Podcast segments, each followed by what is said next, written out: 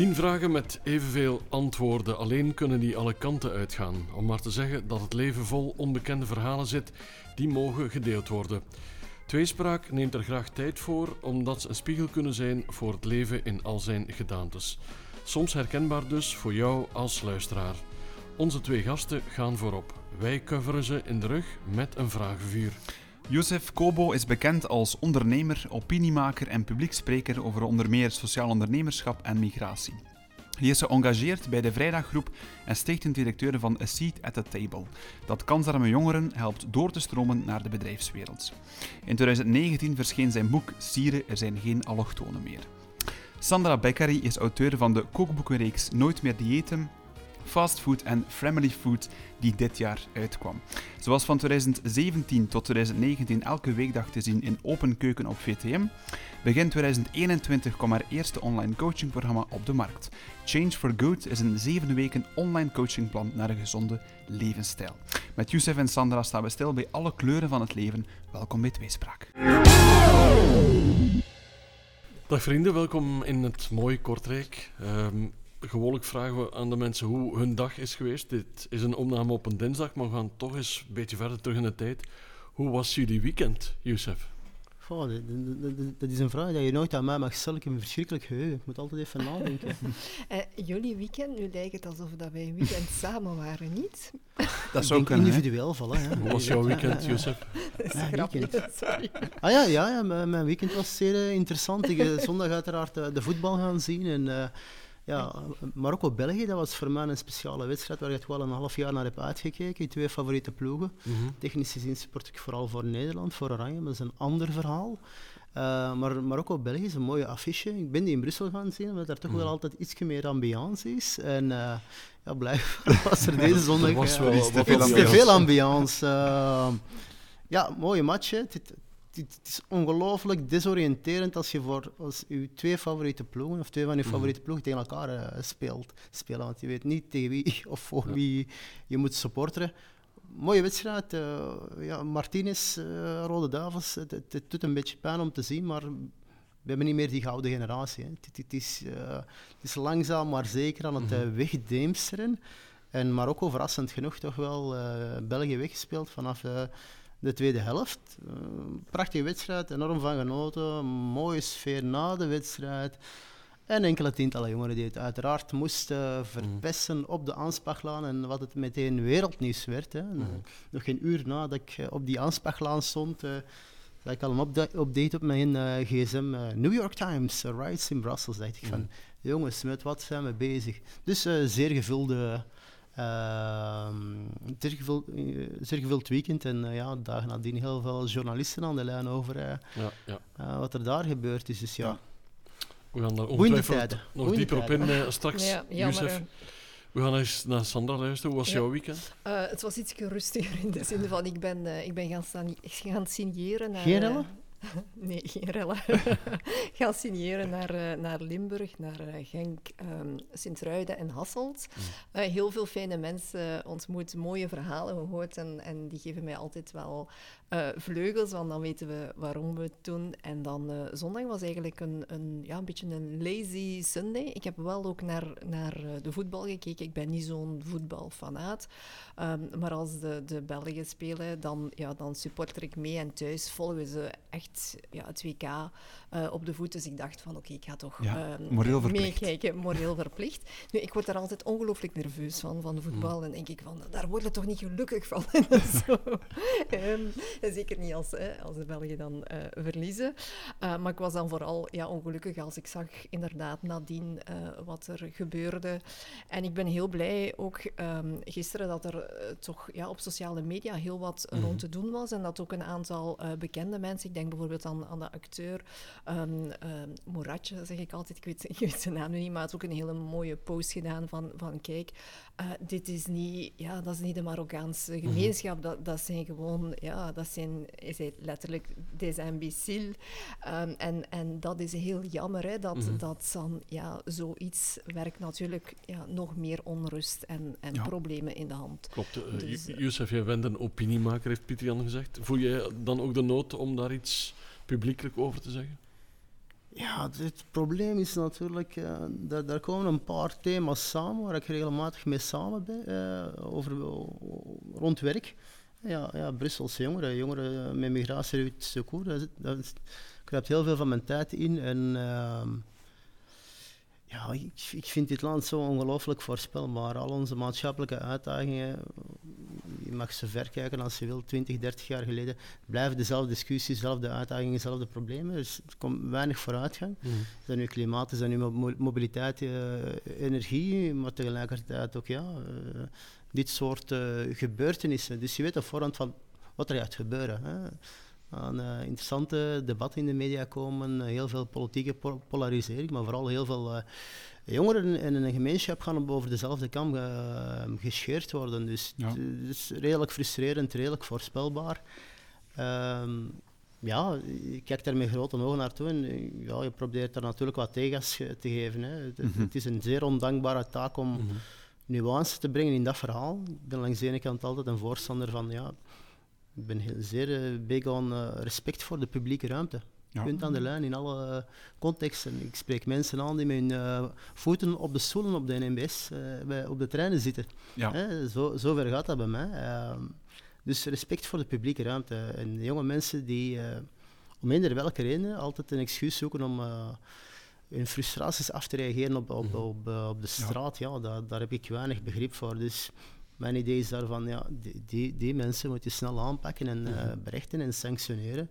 Tegelijkertijd uh, vind ik het heel banaal om meteen daar het grote proces van de Marokkaanse gemeenschap -hmm. in België mm te voeren of de grote migratiedebatten. Dan denk ik vaak van, ja jongens, er zijn hier om de twee weken zware rellen uh, met uh, betogers in, in het Brusselse vakbonden of uh, supporters die voor de UEFA Supercup naar België komen en -hmm. een Brussels restaurant in elkaar slaan. Of Bruggen, mm -hmm. Anderlecht, Beerschot, Antwerp supporters die met elkaar afspreken of elkaar de duivel aandoen. Mm -hmm. maar, en daar heb je dat, heb je dat, heb je dat verhaal niet van, hè, op heel de gemeente gemeenschap of wat dan ook. Dus ja, dus ja het beroert me, het beroert me zeker. Ja. Ik, ik, lig er wel van wakker. Langs de andere kant denk ik ook van, van ja, het zijn, het zijn de groei, groeipijnen hè, van een uh, superdiverse samenleving. Mm -hmm.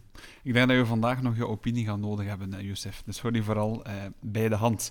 Ik ga beginnen met de eerste vraag, want ik mag er eentje uitkiezen, Steven. Um, Graag. En het wordt op ons lijstje dan toch vraag 6. Wat zou je zeggen aan je 18-jarige ik met wat je nu weet over het leven, Sandra? Mm -hmm. Um, heel veel eigenlijk. Want als je, als je 18 jaar uh, bent, ja, dan, ja, dan denk je dat je alles weet en, en, dat je volwassen bent. En ik zie dat nu ook met mijn uh, jongste dochter. Uh, zij wordt in maart 18. En ja, ik merk eigenlijk dat ik nu dezelfde dingen zeg aan haar die ik eigenlijk ook toen aan mezelf zou, of tegen dat ik ook aan, aan uh, mij op 18-jarige leeftijd uh, zou gezegd hebben. En uh, ja, dat is vooral um, zo meer in het moment uh, leven. Uh, we zijn heel veel aan het plannen en aan het denken en bezig met onze toekomst. En, en terwijl dat we heel vaak vergeten te genieten van wat dat er op dat moment is. En dat zie ik heel hard nu bij mijn jongste dochter. Uh, laatste jaar humaniora. Um, ja, ze is al, al vooral bezig met dat ze volgend jaar naar Leuven wil gaan. En dat ze met dat kot. En, en, maar ze heeft nog fantastische dingen nu. Ze mag binnenkort naar Bilbao. Ze is geselecteerd. Um, ze mag een, een, ehm, een, conventie van de Verenigde Naties gaan meevolgen. Ze mag daar de Bahama's gaan vertegenwoordigen over human rights. Mm. Um, ze doet het heel goed in school. Ze heeft een eindjaarsreis. En eigenlijk was ik net hetzelfde. Ik was vooral aan het denken aan de toekomst en ik miste heel veel. Um, ja, van dat moment. Maar ik denk dat dat ook een beetje het typische is aan, aan die leeftijd. Het vooral ook meer uh, relativeren. Want mm -hmm. ja, kleine banale dingen lijken op die leeftijd vaak uh, zo groot. Um, en vooral ook wel, uh, ik zou tegen mezelf zeggen van Sandra, je bent wel goed genoeg. Want dat is nu toch wel de leeftijd dat je heel sterk twijfelt mm -hmm. over jezelf, dat je heel vaak gaat vergelijken met, uh, met anderen. Ehm, en dat zie ik ook. ehm, nu, ik vind dat Anna daar, mijn dochter, dan beter in, in is dan ik. Want ik was, ik was eh, ja, veel onzekerder eh, Mhm. dan haar eh, op die leeftijd. Je zag dat misschien niet altijd, maar toch heel veel twijfels. En, Ja. en kan ik dan wel? En, en, en doe ik het wel goed? En ben ik wel goed genoeg? En, en, ehm, dus ja, veel. ik bedoel... Want uiteindelijk zaken als hey, ben ik wel goed genoeg, zijn zaken die je misschien toen door je ouders werd meegegeven van eh, Sandra, je bent effectief echt goed genoeg. Ik vind dat dat vandaag, de dag, anno 2022, Mhm. voldoende wordt benaderd in de maatschappij van wees goed genoeg en wees tevreden met wie je bent. Mhm. Is dat verbeterd of net verslechterd met vroeger? Ik vind wel dat dat verbeterd is. Eh, ik vind dat er wel meer aandacht aan gegeven wordt eh, dan vroeger. Allee, toch zeker bij mij. Ehm, nu, ja, mijn thuissituatie was misschien ook net ietsje minder stabiel dan, dan eh, bijvoorbeeld bij, bij Anna vandaag. Allee, Mhm. ik, denk, en ik ben ook blij dat, dat ze dan toch wel allee, een warmer nest heeft hè, dan, dan ik bijvoorbeeld heb eh, gekend. Ehm, en dat is misschien ook een van de redenen dat ik ja, daar zelf ook wel meer mee bezig was. Want wij zijn de eerste, en, en ik bedoel dan ook als gezin, om, om ook ja, onze kinderen aan te moedigen en, en ook ze gerust te stellen. Want het hoeft ook niet altijd meer te zijn en perfect te zijn. Het is goed gewoon Ja. hoe het is. Hoe het is. En, en ja, ik had zo wel meer zo die bewijsdrang, die twijfels, Mhm. die... Ja, Want je zou bijvoorbeeld ook kunnen zeggen, ja, die sociale media spelen belangrijke rollen in de Mhm. levens van 18-jarigen. Ja. Daar krijg je allerlei beelden van de perfectie. Klopt. En dat hadden wij niet. En ik vind, allee, misschien zijn onze kinderen daar, ik ga niet zeggen een beetje een uitzondering in, ze zullen nog wel zijn, maar ik ben heel dankbaar dat ze daar eigenlijk niet zo hard mee bezig eh, mee zijn. Ehm, ze hebben bijvoorbeeld wel een sociale media-account, maar ze posten daar helemaal niet zoveel op. Het is ook niet dat ze zo allerlei, ehm, ja, zo van die perfecte influencers of zo gaan, gaan Mhm. eh, volgen. Ik vind dat ze daar vrij nuchter in zijn en Mhm. ik ben daar ook wel een beetje trots op. Ja. Ehm, maar dat is inderdaad wel een probleem vandaag. We Ja. zien alleen het ideale plaatje. Ehm, hè, dat zijn momentopnames uiteraard. En, en, en ja, mensen gaan automatisch... Ik denk dat dat ook iets is van nature. Hè. We, gaan, we gaan vergelijken. Oeh, en, en ja, die ziet er beter uit. Of, of die is nu weer met vakantie. Of, of ja, die woont in een mooier huis. Of, zeker op die leeftijd zijn dat toch wel dingen die... Ja, die, die ze misschien ook wel ja, een beetje onzeker kunnen Ja, maken. of misschien wel wat jaloers kunnen Zeker. maken. Ehm, maar ik vind dat dat allee, bij onze kinderen eh, heel goed meevalt. Ik ben Ja. er ja, blij mee. Youssef, welke zaken zou jij je 8-jarige, 18-jarige, oei, 8 jaar is heel jong, 18-jarige Youssef meegeven? Goh, ehm, ik zou vooral zeggen, neem je studie serieus. Als er één ding is dat ik zou kunnen terugdraaien, maar ik ben zeker geen... eh, ik heb altijd zoiets gehad van, ik ben blij dat, dat de zaken lopen zijn. Eh, of, maar ik zou absoluut zeggen van, neem je studie serieus. Ik ben eh, zeer laat aan universitaire studies begonnen. Mhm. Ik heb ze ook zo niet afgemaakt. Ik heb eh, twee jaar een poging gedaan tot, ah, tot richten aan de VUB. Maar ik was ondertussen al zo hard aan het reizen en eh, ten, ten dele carrière aan het maken dat ik die studies nooit serieus heb genomen. Mhm. Tegelijkertijd heb ik wel altijd de luxe gehad van, ja, ik heb die diploma niet nodig gehad. Nodig gehad. Ik ben eh, goed terechtgekomen. Maar mocht geen dingen aan mijn 18-jarige versie zou ik toch kunnen zeggen van, misschien toch wel een beetje meer En, en dan vooral bijvoorbeeld om de, de extra kennis dat je uit zo'n diploma nog haalt? Of, of omdat je zegt van ik heb het niet nodig, maar dan... Ja, dat, Toch beter ten dele, want dat, het blijft toch wel een stemmetje in je achterhoofd van ja, een diploma hebben, dat is toch wel een, een, een, een bepaald status in onze samenleving hebben, ding dat, dat, je, dat je toch wel moet hebben. Hè. We, zijn daar toch zo, we zijn daar toch allemaal zo gefixeerd op. Tegelijkertijd, ik heb... eh, het, het, het, het is, het is zeer absurd en het blijft zeer vreemd, maar ik heb, al, ik heb altijd tien keer meer mogen doen en kunnen doen dan mijn eh, peers op die leeftijd en eh, die wel een mooi schooltraject hebben Mhm. opgebouwd en afgewerkt. Dus het is een beetje dubbel, maar er blijft wel echt altijd een stemmetje in van "Mm, misschien had, toch wel, had je Mhm. dat toch wel eh, mogen afmaken. Mhm. Maar het is zeker geen groot gemis.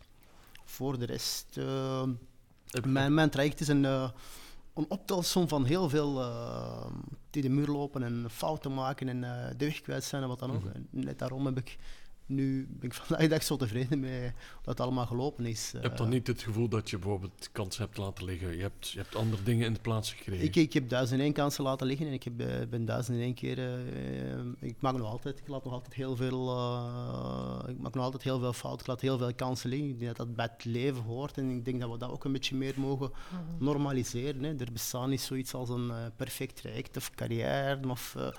gezinssituaties, huwelijk, relaties of wat dan ook. Eh. we hebben allemaal een, een beeld en ik werk heel veel met de jonge mensen en die hebben allemaal een bepaald beeld. Tegen 25 moet ik zo zijn, tegen Mhm. 28 moet ik dat hebben.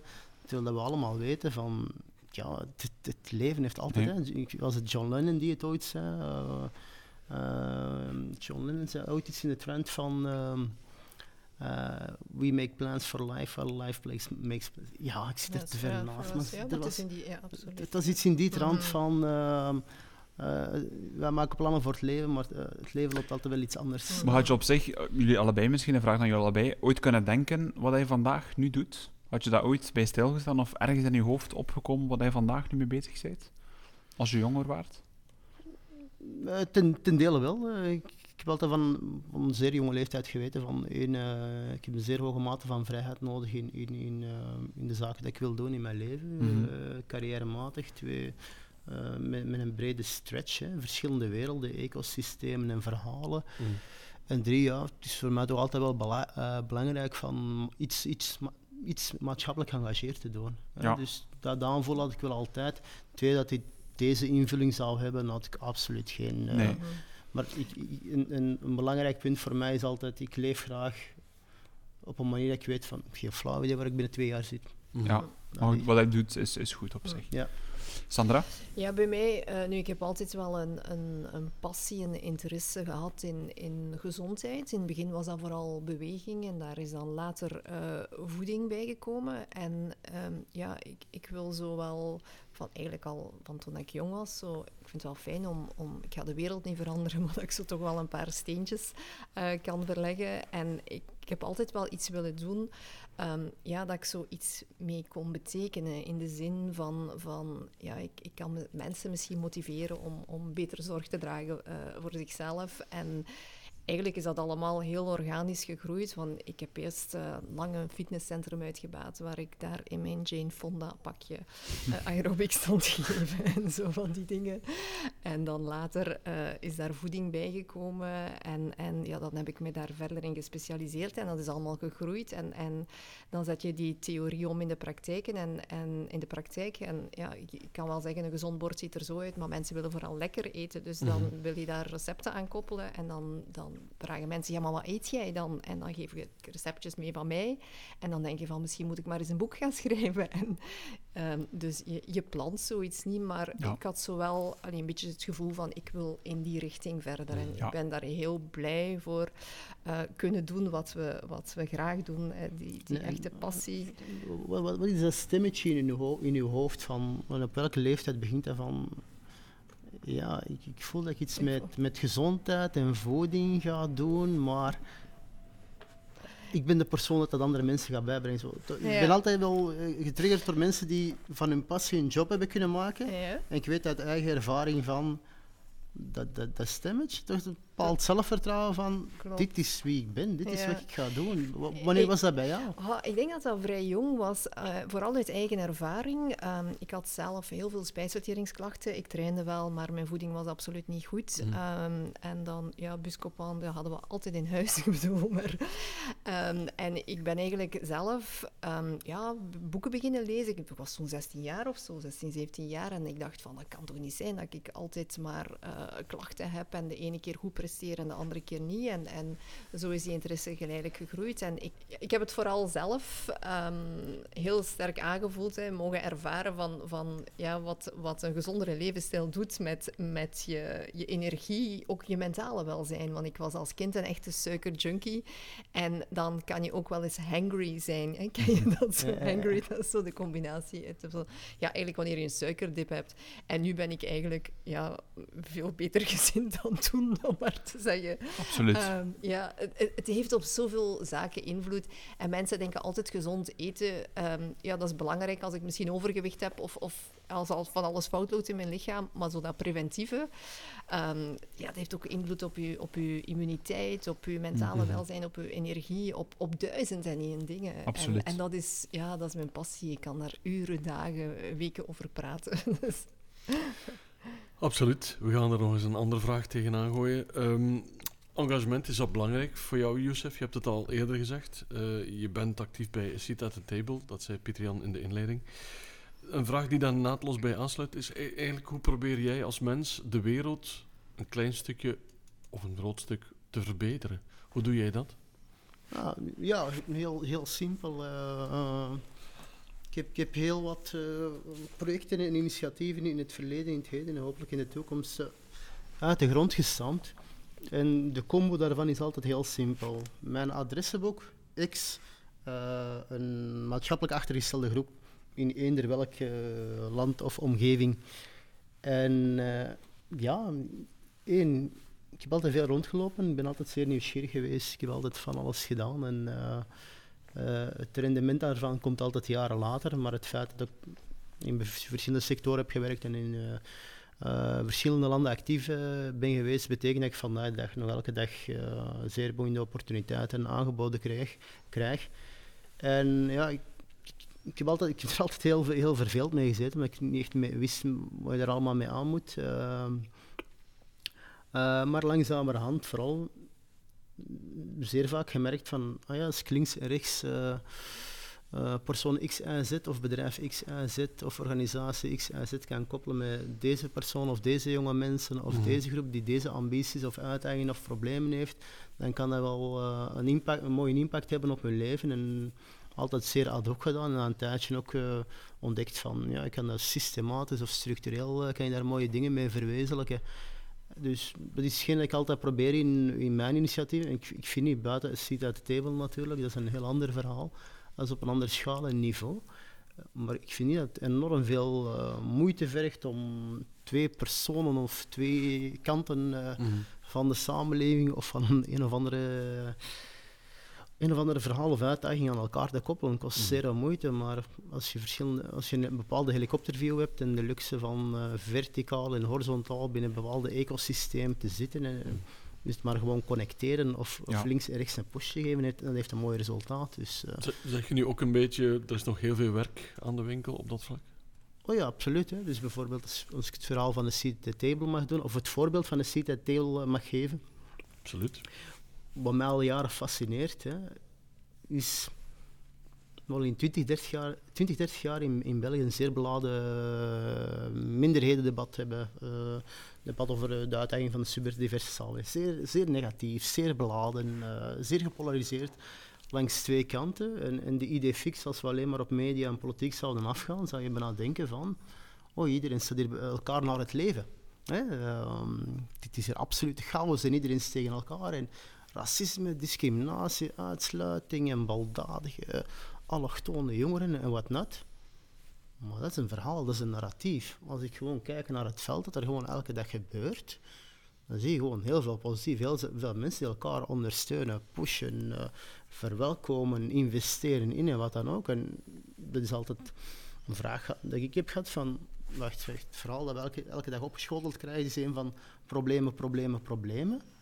Maar als ik gewoon kijk naar de man in de straat of eh, wat er in bepaalde scholen, bepaalde buurten, wijken gebeurt, of dat bepaalde organisaties, individuen zich inzetten voor, voor elkaar, denk ik van, wacht eens even, dit klopt Mhm. niet. En dat heb ik gemerkt vooral met Seat at the Table, eh, waar we al bijna vijf jaar eh, vooral bezig zijn met jonge mensen met migratieroutes, of kansen met jongeren, eh, in te begeleiden en ondersteunen en vooral te koppelen aan eh, opportuniteiten in, in voornamelijk het bedrijfsleven. En wat me daar is opgevallen is de afgelopen vijf jaar. Nu, ik kom gemiddeld gemakkelijk bij een vier, vijfhonderdtal bedrijven en organisaties op een jaar tijd. Ook de afgelopen, dus ik zie heel wat van, van België. Hè. Dus Mhm. de, de ambassades, de Europese instellingen, de multinationals, de KMO's, de werkgeversorganisaties, de start-ups. Alle strekkingen, links, rechts, wat dan ook, klein, groot. En wat ik de afgelopen jaren heb gemerkt is van één, er is enorm veel goodwill in het bedrijfsleven. Twee, er zijn enorm veel opportuniteiten in dit land. We zijn nog altijd een van de meest welvarende regio's in dit land, eh, in de wereld. Dat vergeten we heel vaak. En drie, ik struikel over het jong divers talent. Ik, ik struikel over jonge mensen die iets van hun leven willen maken, die niet bezig zitten met al die racisme en discriminatiedebatten en ik weet niet wat. Gewoon jonge mensen die talent en energie hebben en vooruit willen in het leven en eh, aan de slag willen gaan met hun talenten. Dus die optelsom is voor mij van, wacht, er is zoveel jong talent, er is zoveel jong divers talent die positief in het leven staan. Er zijn zoveel opportuniteiten en er zijn zoveel bedrijven, organisaties, individuen die willen faciliteren. En dan denk ik van, verdomme, waar zijn we bezig? Misschien moeten we daar een beetje meer op focussen dan altijd ja, het focussen op tenminste dat er verkeerd gaat of verkeerd kan gepercipieerd worden. Dat is het voor mij een beetje. Sandra, jij wil de mensen een eh, gezonder levensstijl bijbrengen, dankzij Change for Good. Zie je dat als een soort van roeping, een soort van manier om de wereld te verbeteren? Of- Of is dat te ver gezocht? Ja, een, een beetje. ehm, nu, het zijn kleine steentjes hè, die, we, die we dan kunnen verleggen. Ik vind trouwens dat Youssef eh, grote stenen verlegt. eh, chapeau eh, voor wat je allemaal eh, doet. Ehm, maar dat is ook, oké, dat is in mijn job. En, en mensen bedanken mij ook vaak. Bijvoorbeeld afgelopen zaterdag was er een mevrouw die, die de tranen in haar ogen had. En ze zei, oh, Sandra, je hebt mijn leven veranderd. Nu nee, ik verander niemand zijn leven. Maar ik ben wel blij dat ik, dat ik misschien op een of andere manier kan inspireren om het anders aan te pakken. En dat ze daar heel mooie resultaten mee bereiken. Maar eh, los van dat professionele, ik vind ook gewoon het dagdagelijkse, zo die, die kleine geluksjes, ehm, niet alleen voor jezelf, maar ook voor andere mensen. Eh, je merkt gewoon als je vriendelijk glimlacht naar, naar iemand ehm, in de winkel of, of op straat of whatever. Eh, sommige mensen schrikken bijna van, ah, die, die lacht nu. We- We zijn dan niet meer gewoon hoffelijkheid in het, in het verkeer. Iemand is gewoon ja, stoppen en, en laten oversteken. Zo, zo die kleine dingen. Ehm, ik vind dat die heel vaak vergeten worden en ook heel sterk onderschat worden. En als je iemand anders blij maakt, ja, dan word je daar zelf ook blijer van. Dus ik denk dan van, ja, als we daar nu allemaal ehm, misschien een beetje meer aandacht kunnen aan geven, die zaken mogen we ook zeker ehm, niet vergeten. Dus ja, kleine misschien soms. kleine geluksjes, maar, maar die finaal op het einde van de dag je ook zowel een, een goed gevoel geven van ja, er is ook nog heel veel positiviteit in de Ja. wereld. En vriendelijk zijn, dat kost geen geld. En, en, eh, maar dat kan andere mensen wel, wel gewoon een lach kan, kan iemand anders wel blij maken. Sandra, drink je graag wijn? Eh, af en toe een glaasje. Af en toe een glaasje. Oké, perfect. Dat is een Ja. mooie inleiding. Rode wijn, liever rode, wijn. Oké, ja, maar dan mag het ook rode wijn zijn. Oké. Brengt ons eigenlijk bij de volgende vraag, die van mijn favoriete vragen trouwens. Ja. Je mag ehm, op één avond naar keuze Mhm. één iemand uitnodigen ehm, voor een goed glas rode wijn, in jouw geval. Wie zou dat zijn? En weten dat die persoon eigenlijk nog mag leven, maar ook niet meer onder ons mag zijn. Oké. Mag eender wie zijn, het is één avond, one night only. Oeh, dat is een moeilijke, hè, want er zijn natuurlijk wel heel veel mensen, eh, ook zeker de mensen die er niet meer zijn. Dan denk ik meteen ook aan, aan mijn oma. Ik zou het fantastisch vinden om, om nog eens terug een babbelje te kunnen doen eh, met haar. Maar ik denk meteen ook aan, aan heel inspirerende vrouwen, zoals bijvoorbeeld Michelle Obama. Ik ben, ik ben een heel grote eh, fan van, van haar. Dus iemand waar ik heel erg naar, naar opkijk. Ehm, ik ben ook ongelooflijk gefascineerd door, door echt oude mensen, maar die, die nog zo energiek in het leven staan. Dan denk ik bijvoorbeeld aan Iris Apfel, die 101 jaar is, die een mode-icoon is, die nog op boekjes van uh, allee, modemagazines staat. Dus dat vind ik ook enorm inspirerend. Maar laat me zeggen, ik zou misschien um, in dit geval uh, mijn gesprekjes met mijn oma, die voer ik zelf. en misschien dat ik um, ja, dan, of voer ik misschien later nog wel, hopelijk. Um, voor Michelle Obama zou kiezen. En vooral omdat het het voorbeeld is van, van iemand die het absoluut ook ja, zelf heeft moeten doen. Hè. Ze is opgegroeid um, in de woelige jaren tachtig in uh, uh, South Side in, in Chicago. Ehm, waar ja, racisme bijvoorbeeld, allee, Mhm. als je kijkt, vergelijkt met vandaag, was het, was het toen nog veel eh woeliger. Ze heeft echt moeten knokken.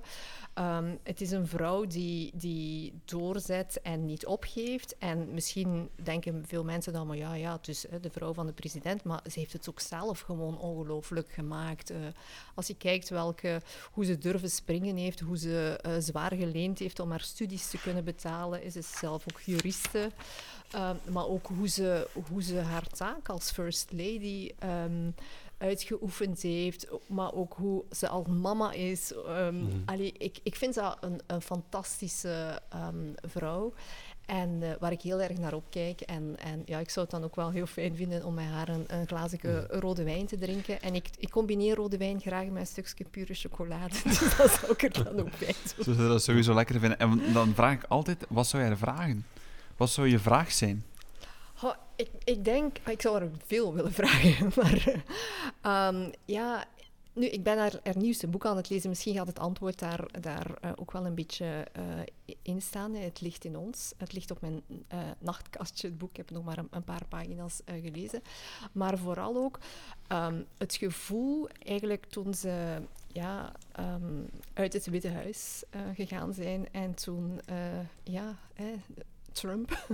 Er kwam, ehm, ja, wat dan allee, bij haar Ja, veroorzaakt heeft, hoe dat ze daarmee omgegaan is. Want ik denk als je acht jaar knokt en naast je, je man staat en er alles voor doet om, om ja, toch wel een, een aantal zaken ja, beter te maken en, en ja, dat dan ja, heel veel zaken daar meteen van weggeveegd worden, dat moet enorm eh, pijnlijk zijn. Ja. Maar dat is ook wel iets wat dat nu aan bod zal komen in haar boek en wat ik heel benieuwd eh, naar ben. Mhm. Ja. Het is een heel eh, weerbare vrouw.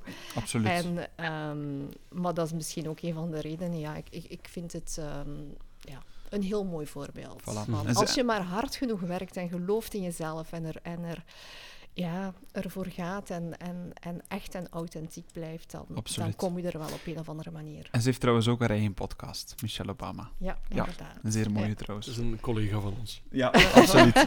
Ze komt straks even binnen. Ah, heel Eh, fijn. nee, Zet die nee, wijn maar super. klaar. Super.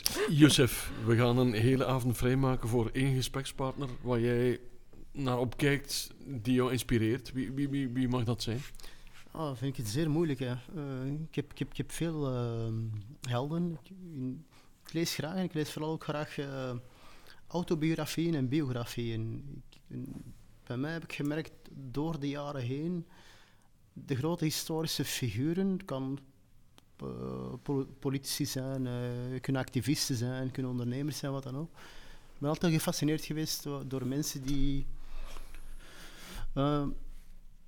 een, een hoge mate van weerbaarheid, de veerkracht hebben. Hè. De, de resilience, mensen die toch zeer zwaar, hè. Zo, zoals je net eh, Michelle Obama aanhaalde. eh, Mhm. Mensen die eh, heel onmogelijke situaties hebben overkomen en hun Mhm. eigen overstijgd hebben. Hè. Dus die niet de beste kaarten zijn toebedeeld geweest, die, maar die er het beste van hebben gemaakt. Kan je zo een paar concrete voorbeelden geven? Goh, de historische figuur Winston Churchill fascineert mij enorm. Eh, er valt veel op aan te merken natuurlijk over eh, zijn tijd in eh, Zuid-Afrika en zijn politiek in, naar, naar India toe. Maar tegelijkertijd, wat mij fascineert was, hij was een van de eerste stemmen die op tafel klopten en Hitler... Dat komt niet goed, we moeten ten strijden, we moeten ten oorlog trekken, terwijl iedereen nog bezig was met de appeasement-strategie van... eh, die heel Europa destijds in die eind jaren 30 eh, hanteerde. Hè. Dus, en Churchill, ja, Groot-Brittannië op de knieën en tegelijkertijd als een van de weinige stemmen eh, het land overeind houden. Hè. Ik herinner u de fameuze speech: We shall fight them on the lands, we shall fight them on the beaches, in the streets.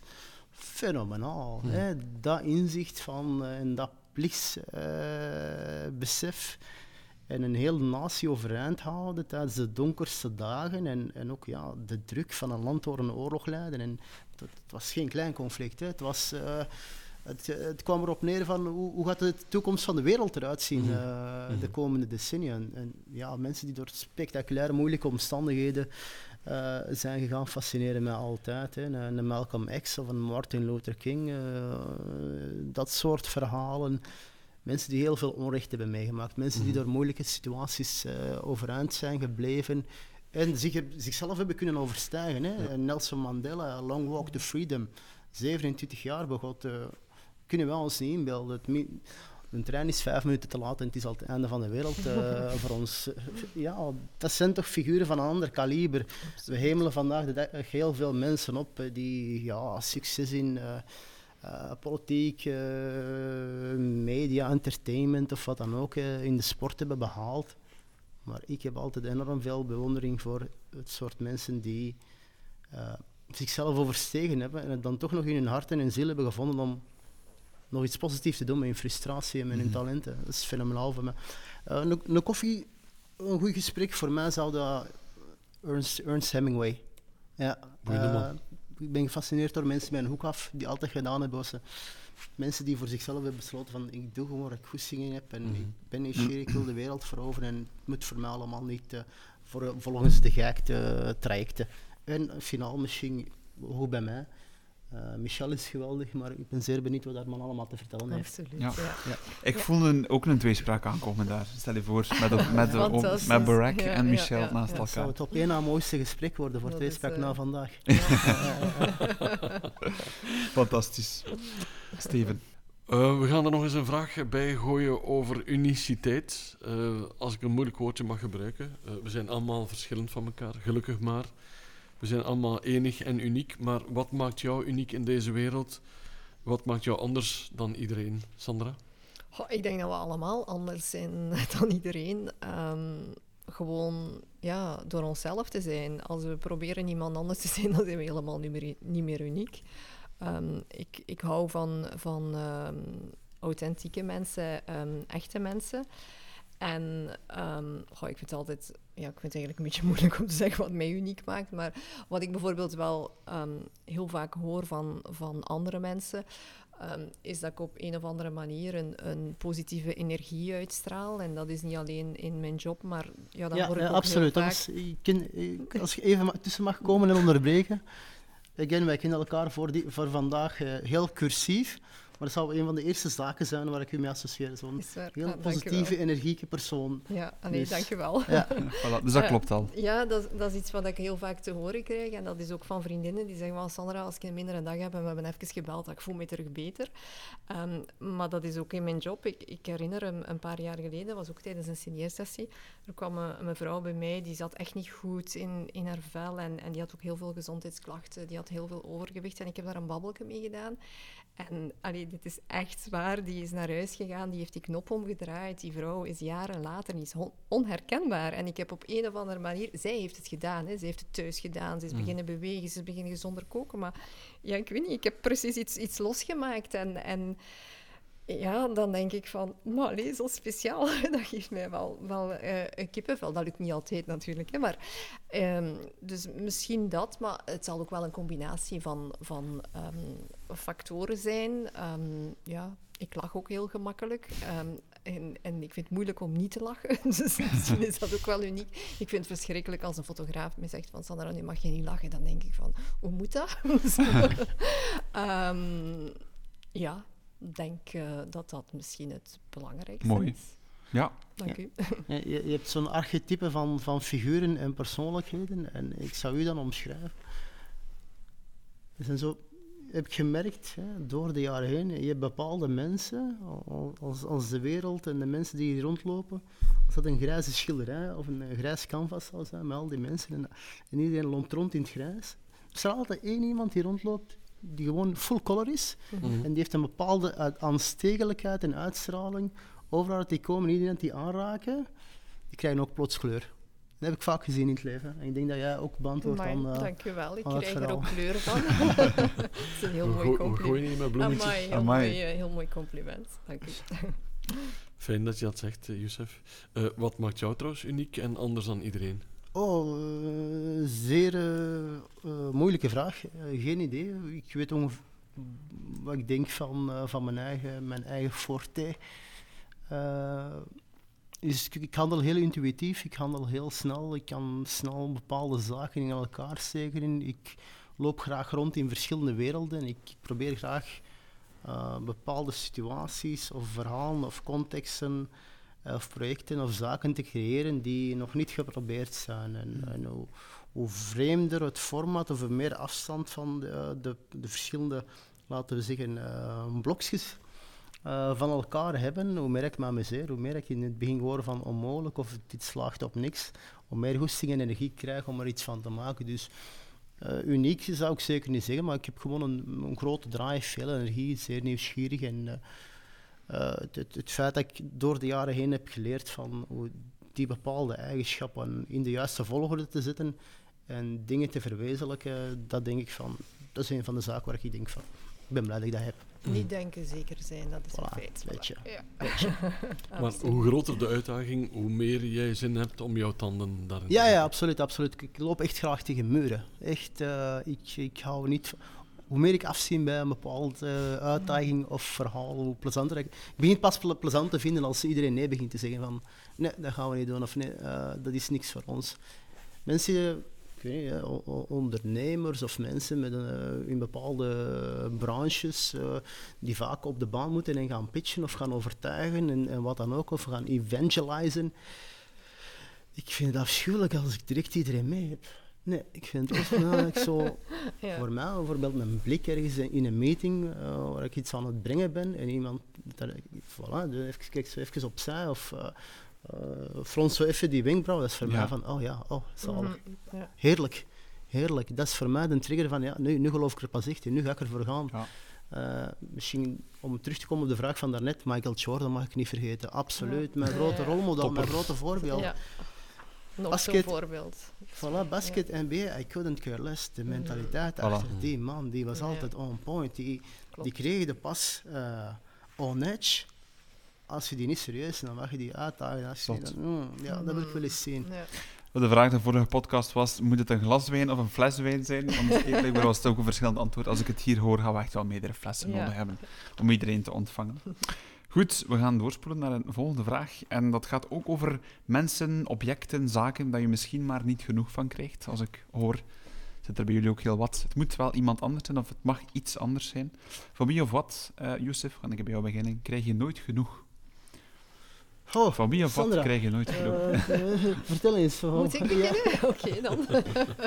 Ehm, ja, ik denk, ik denk aan mensen waar ik nooit eh, genoeg van krijg. Ehm, en ja, dat is toch wel... Allee, dat zijn mijn geliefden. ehm, dat, dat zijn mijn kinderen. Dat, dat is mijn man, mijn gezin eigenlijk.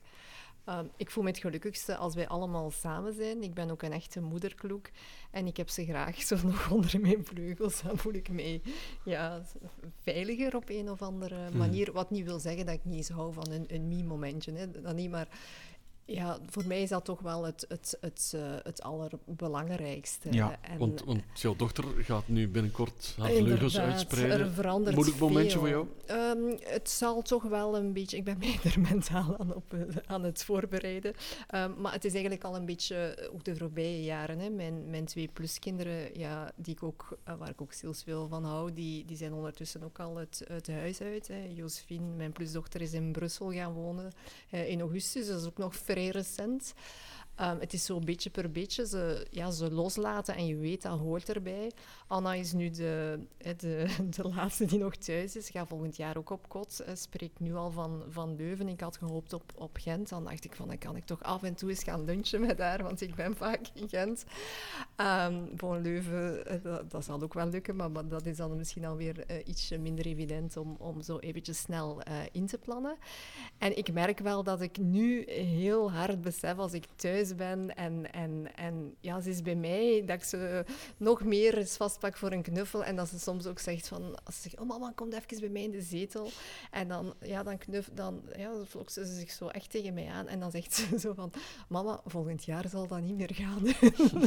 zo, oh my god. Och, arme. Och, arme. Ja, maar dan zegt ze, dan kom er maar eens naar Leuven. Uh, het is loslaten. En uiteindelijk, als uw kinderen... Um, blij zijn, gelukkig zijn, gezond zijn, het goed stellen, ja, dan... Uh, er is ook wel allee, het positieve is dat ik ook wel terug ehm, ja, misschien nog weer andere dingen ga doen die ik de voorbije jaren niet gedaan heb, omdat ik al vaak voor mijn job weg ben en dat ik dan denk van ja nee, ik kies ervoor om, om bewust thuis te zijn eh, voor de kinderen, dat ik dan misschien uh, dat wel weer ga doen. Maar eigenlijk, het liefst heb ik ze allemaal bij mij, ik geef het toe. Super.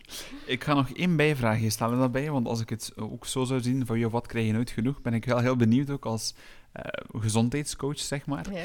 je hebt daarnet chocolade vernoemd. Is er iets dat je zegt om te eten dat je nooit genoeg van krijgt? dat je denkt van, ah, wel, als er nu één iets is dat ik er mag uitpikken, ik eet iedere dag chocolade, maar om nu te zeggen dat ik er nooit genoeg van krijg, niet. Want ik eet heel mindful. Uh, het is zo'n gewoonte dat ik zowel het middags als het avonds na het eten moet ik mijn stukje chocolade hebben. En, mhm. en dat is zo het afsluiten van mijn maaltijd. Maar ik eet natuurlijk geen, geen repen chocolade. Nee, nee, nee. Um, maar ik krijg nooit genoeg van alles wat dat te maken heeft met, met, ja, met welzijn, met voeding, met gezondheid. Met... Ik, ik heb het soms ook moeilijk, eigenlijk moeilijk om dat, om dat, moeite om dat los te laten. Um, soms ook op vakantie zegt mijn man, dan lees nu gewoon eens een ander boek dan over gezondheid of luister eens naar een andere podcast. Maar dat is iets wat dat mij ja, zo boeit, dat ik dan denk van, mm -hmm. ja, ook daar krijg ik nooit genoeg Absoluut. van. Chocolade is toch nog belangrijk en die gaan we ja, onthouden. ja, ja, ja, 70% cacao. Zo. Voilà. En dat, dat zo laten smelten in je mond en dan met een beetje rode wijn. Fantastisch. Voilà. En Voilà. Michel, Michel er ook nog bij. Ja, Ja, liefst wel. Als het kan, als het kan. Ja. Youssef, je mag, kan of mag de vraag niet ontwijken. We gaan hem nog een keer stellen. Van wie of wat krijg je nooit genoeg? Ja, ik ga het heel hard spiegelen aan, eh, aan, aan Sandra haar antwoord. Eén, ja, ik ga met eten beginnen. Tiramisu is het voor mij. Oh, Tiramisu kun kan, kan je op elk moment van de dag, elke nacht, in eender welke volume. ehm, Ja. ik kan u garanderen, dat is de eerste dat mijn vrienden, kennissen en familie met mij associëren. En eh, ik zal het tien jaar later nog onthouden als iemand me ooit beloofd heeft om tiramisu voor mij te maken. Dat is echt eh zat gebetoneerd. Ja, ik neem dat heel ernstig, tiramisu. Dat, dat terzijde, ja, twee, ja, familie. Hè. En voor mij is dan... Ik heb nog geen gezin en geen kinderen. En Mhm. Ik vond het mooi om jou, eh, over jouw gezin te ho- horen te vertellen. Mhm. En een van de gedachten die ik altijd heb gehad over het ouderschap is... Wat doe je in hemelsnaam als er eentje zo oud genoeg is om te gaan studeren of eh, Ja. alleen te gaan wonen? Ik kan Mhm. mij niet inbeelden dat, dat je iets maakt, Ja. dat je iets hebt en Ja. dat op een dag weggaat. Ja, Dat, dat ik. ja. Ik zie dat met de relatie met mijn neefjes en nichtjes. En dat je soms sterft als je zo één seconde geen, geen knuffel geven of Ja. wat dan ook. Laat staan van, Ja. dat is van je eigen, Mhm. opgegroeid en wat Ja, dan ook. ja. En op een dag eh, slaat dat de vleugels uit en is dat plots eh, Ja. maar eens ene keer in het weekend en dan om de was te komen doen. Papa, mama. Mama, wilde jij iets koken voor mij? Dan kan ik dat meepakken. Inderdaad. Want dus, dus langs mijn kant ben ik dan heel gehecht aan mijn ouders. En ik Ja. zie dan ook aan de relatie met mijn ouders wel hard zij gehecht zijn aan, aan hun kinderen. Mijn, mijn vader die belt nog elke dag bijna. Mhm. En die vraagt gewoon, hé, hey? En je je hoort gewoon, die wil dus stem horen. En die is Ja. van, va? Oké, dag. Mhm. Is zo heel, heel kort, maar die, die heeft behoefte aan, eh, aan mijn stem te horen, of aan die van de broers en zussen. En Dan zeg ik van, ah, dat is gewoon... En ik voel Mooi. de andere kant van, oh, het moet gruwelijk zijn.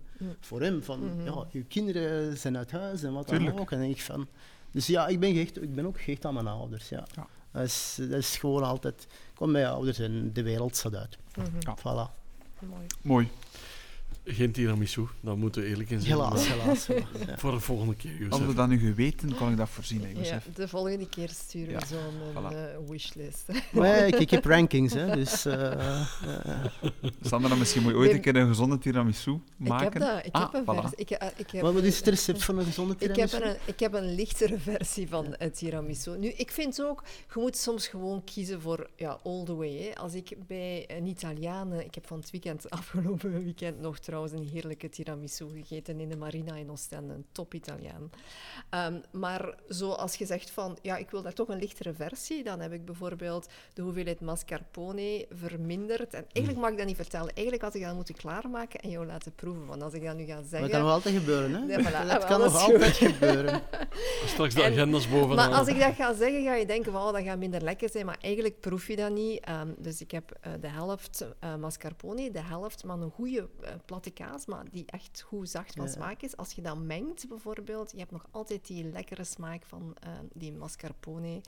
Ehm, ja, Heel ook minder smeuig, ja. suiker. Voilà, inderdaad. Ehm, ehm, minder suiker ook. eh, ja, er zit ook nog wel pure chocolade op, er zit een beetje amaretto, koffie en allee, ik bedoel, al wat er moet in zitten, maar, maar vooral eigenlijk een, een lichtere versie en Ja. die even lekker smaakt, maar nadien voelde zo wel van, ja, je voelt je wel fitter. Nu, ik hou ook van tiramisu, maar dat is zo'n dessert die, is heel zwaar, dat ik heel vaak Heel deel. zwaar, ja. Bijvoorbeeld Ah, ja. afgelopen weekend ook. Allee, we waren nu met vrienden gaan eten en, eh, dan zeg ik van, ah, ik heb al zin in een tiramisu. Mhm. Maar dat na een voor- en een hoofdgerecht vind ik dan te veel. En dan heb ik gewoon eentje ehm, gedeeld. Voilà. Ja. Ik vrees dat ik iets slechter ben in het delen van. En zeker van tiramisu, als ik het ja, zo ik hoor. denk niet in delen, maar wel in, tiramisu. Ja. Er zijn al eh, conflicten ontstaan, denk ik, door iemand die probeert aan de tiramisu te halen. Dus, ik eh helaas wel. Ik blijf daarvan. Ik blijf ja, daarvan. ik ook, alleszins. Jullie zijn beiden succesvol, elk op een ander domein en elk op een ander niveau misschien ook wel. Ehm, maar wat kan jij nog doen om eventueel toch nog meer uit het leven, uit jouw leven eh, te halen, Jozef? Ah, vooral rela- relativeren. Eh, wat, wat, ik, wat ik de afgelopen jaren heb gemerkt is van meer is niet altijd beter. Mhm. En eh, Less is more. ja, eh, bij mij, ik, ik heb een redelijk groot eh, uithoudingsvermogen en ik kan, kan wel tegen veel tikken. Mhm. Je, je hebt echt, ook- echt ook nodig voor de zaak waar ik mee bezig ben. eh, snel bewegen, snel schakelen en helaas heel, heel veel uren kloppen.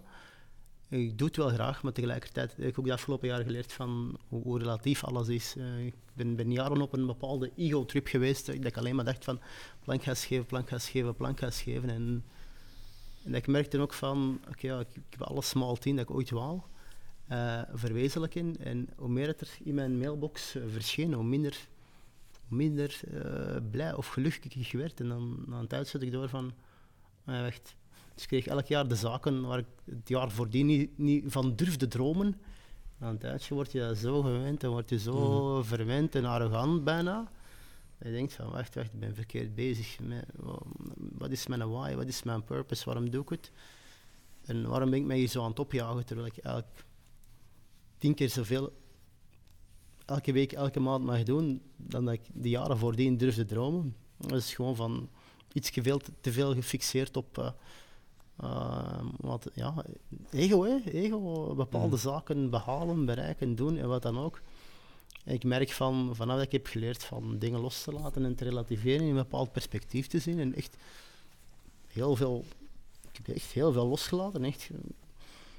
eh, heb ik gemerkt van, oh, wat is dit? Ik ben Mm. plots Mhm. veel gelukkiger Ja. en veel rustiger en Ja. ik ben niet altijd zo Mhm, opgejaagd. Je hebt zo'n constante van stress die, mhm. wat er ook maar gebeurt. Zo een duur verslavend. Mm. Ja. ja. Want mensen, mensen zeggen wel eens dat je beter kan relativeren met ouder worden. Merk je dat ook? Absoluut, absoluut. Ja, again, ben, ben 34, nog niet zo oud. Zo jong nog.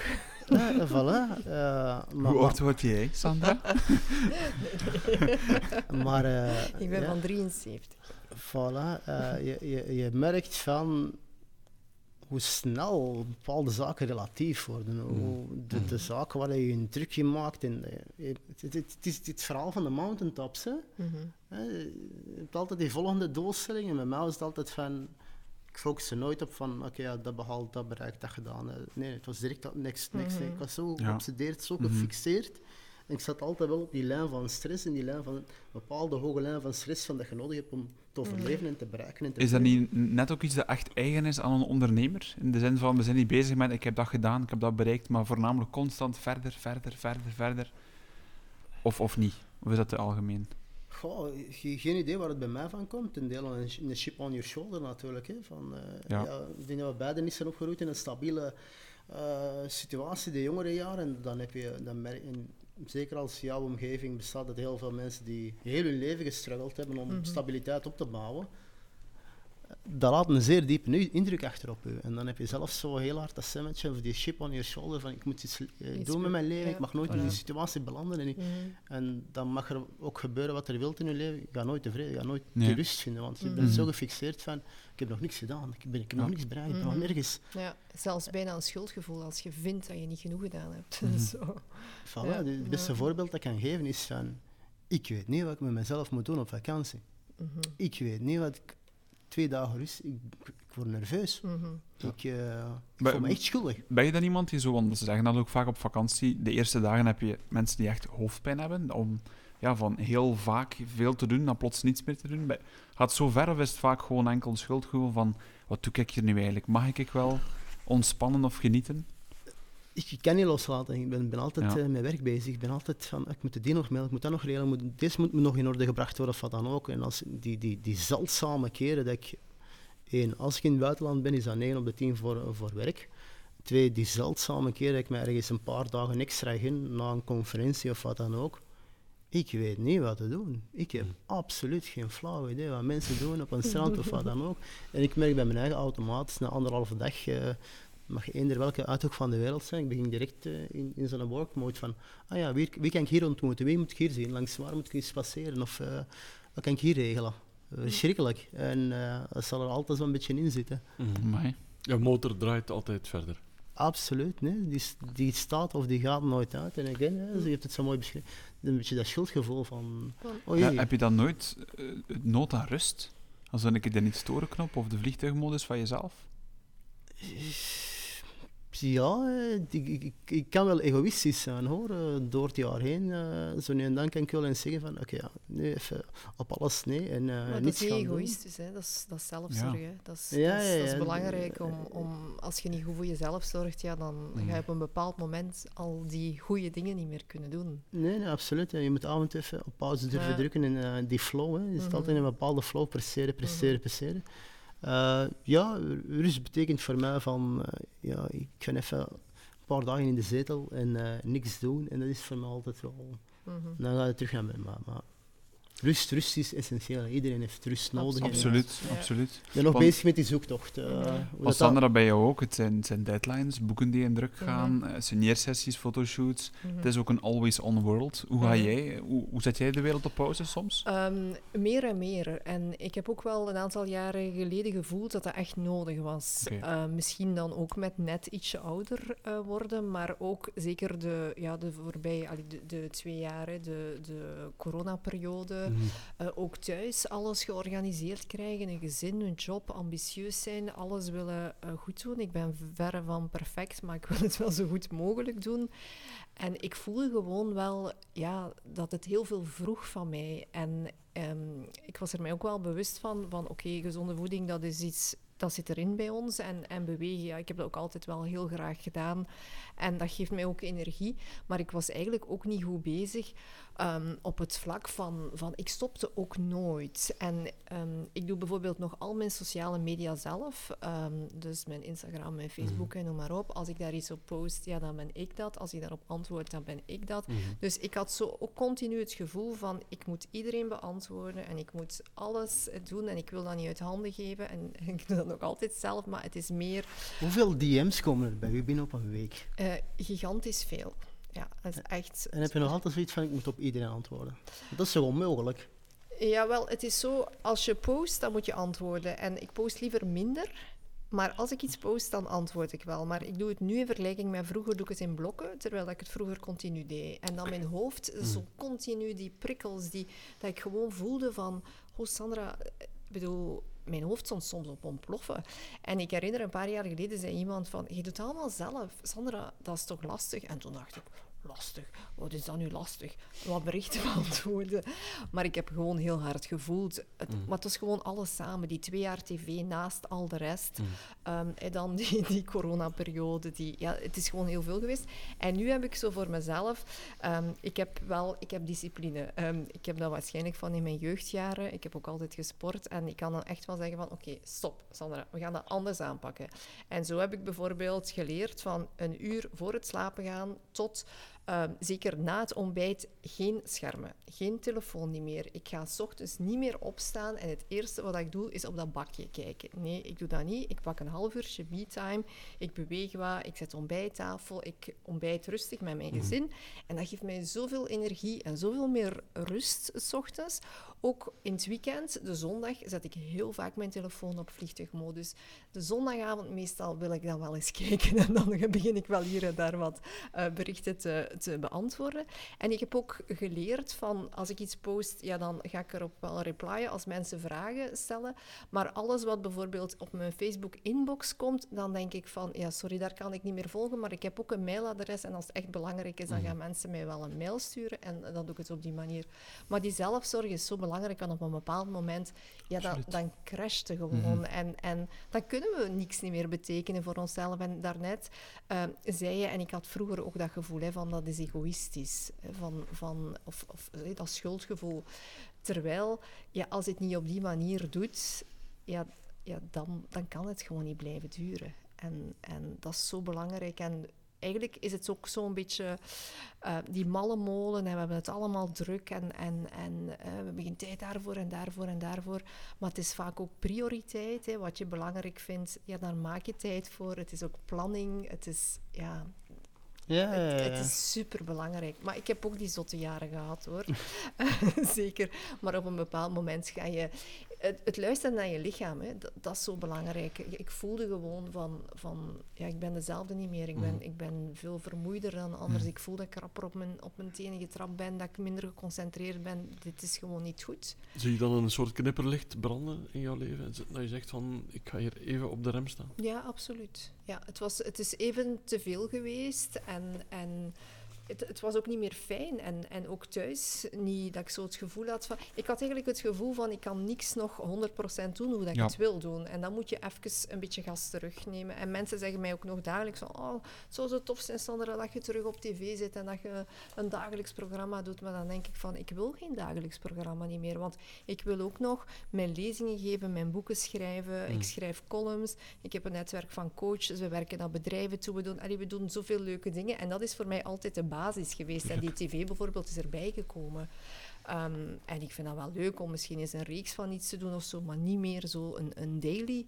En, en ook niet meer continu het, het durven nee zeggen. Ik zeg meer nee dan vroeger. En soms ben ik trots op mezelf. Dan denk Mm. ik zo van, ah, Sandra, dat heb je toch wel goed gedaan. ja, ja. Ik, heb, ik heb nee gezegd eh, Absoluut. daarop. En toch zijn we super blij dat je hierop ja zegt. Ik had ook een paar keer eerst nee gezegd. Nee, sorry, mijn agenda laat het niet toe momenteel, maar ik ben hier toch geraakt. Fantastisch. Eh, ik zorg meer voor mezelf, ja. Top. We gaan toch nog eens naar de initiële vraag die we aan eh, Youssef ook stelden.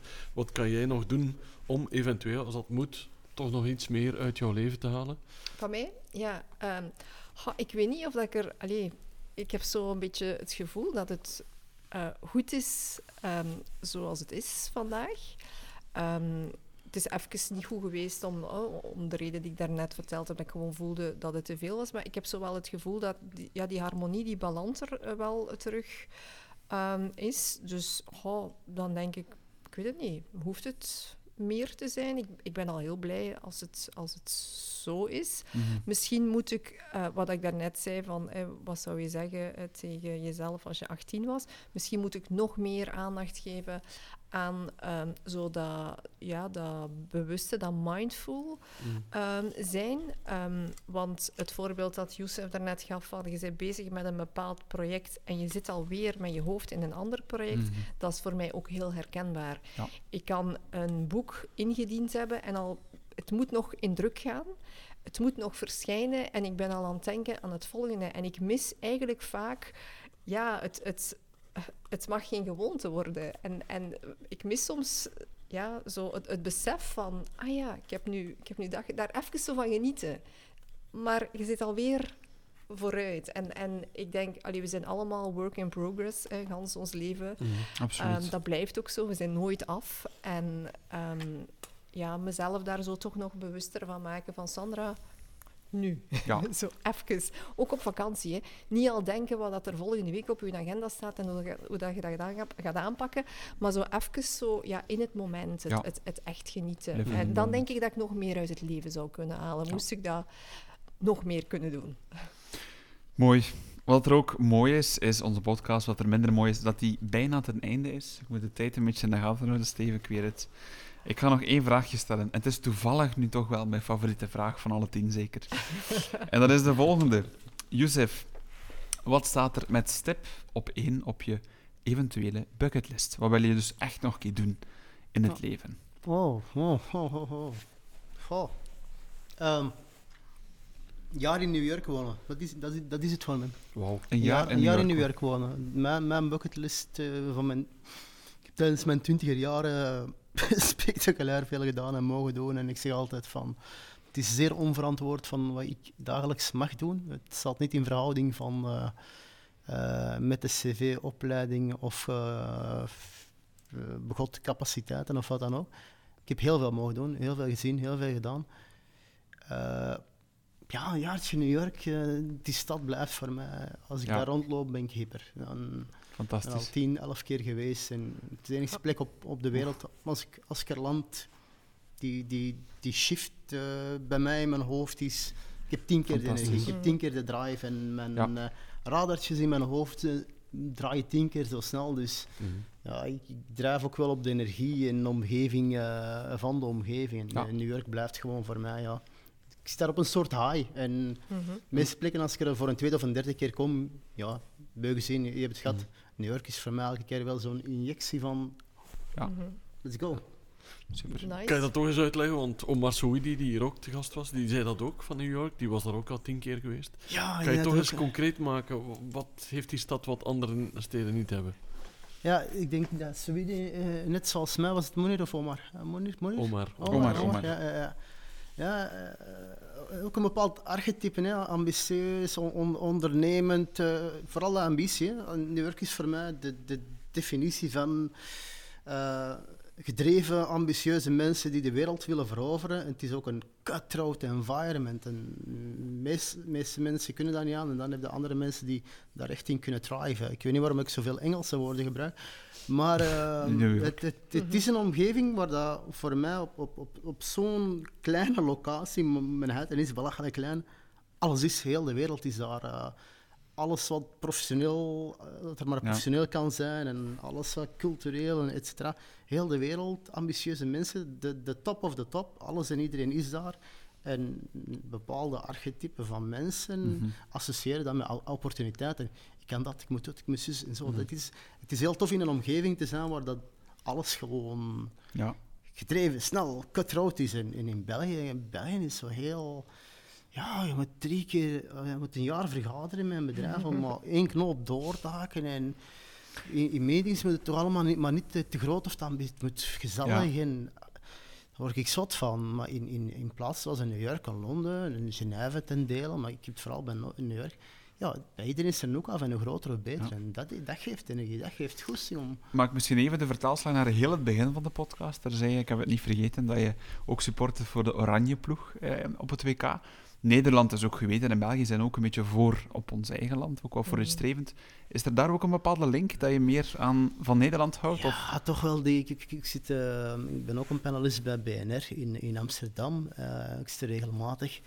Dus ik kom daar ook veel contact in met het bedrijfsleven. Die heerlijke Nederlandse arrogantie, ambitie. Wij gaan de wereld veroveren en dan op voetbal hetzelfde vlak. Wij gaan eh, wereldkampioen worden. Elk, elk kampioenschap vind ik geweldig. Gewoon één, eh, eh, dat zelfvertrouwen, de uitgaan van je eigen eh, talenten, het groot zien. Wij gaan, wij, gaan, wij gaan dat winnen. Wij gaan dat winnen. Dat hebben wij te weinig. In, in België hadden we heel lang de eerste ploeg te- ter wereld. We stonden vier, vijf jaar nummer één op de, op de FIFA-ranking. Wereldploeg. En toch altijd zo die mentaliteit bij, bij de EK's en de WK's. We zijn Tof te dat we weinig mogen chauvinistisch, hè? Ja, dat schrijf ik Ja. vaak, zeg ik vaak. Van, Dat het ontbreekt ons in Vlaanderen van een beetje, eh, ja, eh, een beetje meer arrogantie, een beetje meer pretentie. We hebben heel veel capaciteiten. We hebben, again, we hebben alles dat een land maar, of een regio maar kan wensen, maar we doen er zeer weinig mee. Oranje is voor mij een prachtig spel, totaalvoetbal. Hè. Eh, jaren 70, een Cruijffje, jaren 90, herinner je de ploeg op, de- het WK van 98. Hè. Een, een, een Bergkamp, Kluivert, David, Seedorf, Van der Sar. Hè om, om van te dromen. Tien jaar later was de generatie van de Robben, Snijder, Van der Vaart. Hè. Fenomenale ploeg, prachtig voetbal, ambitieus, heerlijk voetbal om naar te kijken. Dat, daar krijg je, daar kijk je graag naar. Voel het. Voilà. Dus Ja. eh, am- ambitie en goesting en drive om dingen te doen. En, Super. Maar over, een Love paar, it. over een paar weken komt deze podcast online en dan zeg je dan weten of ze weer kampioen zijn. Weten we meer. Eh, helaas, de, eh, weet. de- deze generatie stelt niet veel voor van, eh, van Nederland, maar wie weet wat de komende jaren brengt. Maar de mentaliteit is alles voor mij. Ah, wel, we gaan straks anders. naar eh, Sandra terug. Nog één pronostiekje, want het mag. Het is eigenlijk niet uitgezonden. België-Kroatië, wat denk je zelf? Ja, oh, lastig, lastig. Ja. Ik denk, denk dat eh één, Kroatië moet winnen, België moet winnen om vooruit te gaan.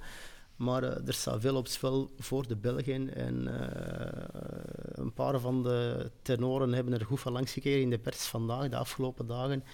Ik denk dat België wel gaat stunten. Ik denk dat wel België wel voor een 2-0 gaat tegen Kroatië. Net omdat iedereen daar zo gepikeerd rondloopt van oh, oh, oh, oh, eh, niet, niet, niet met mij. Wij willen een revenge, wij willen ons tonen wie dat we zijn. Perfect. Dus, En dan gaan België en Marokko Ja. gewoon door naar de tweede ronde. hè. Voilà, prachtig. Voilà. Het ideale eindresultaat. Dan Fantastisch. tegen Nederland in de halve finale. Zo. Eh, oh, tegen Nederland zou ik durven supporteren tegen de Rode Duivels. Absoluut. Helaas.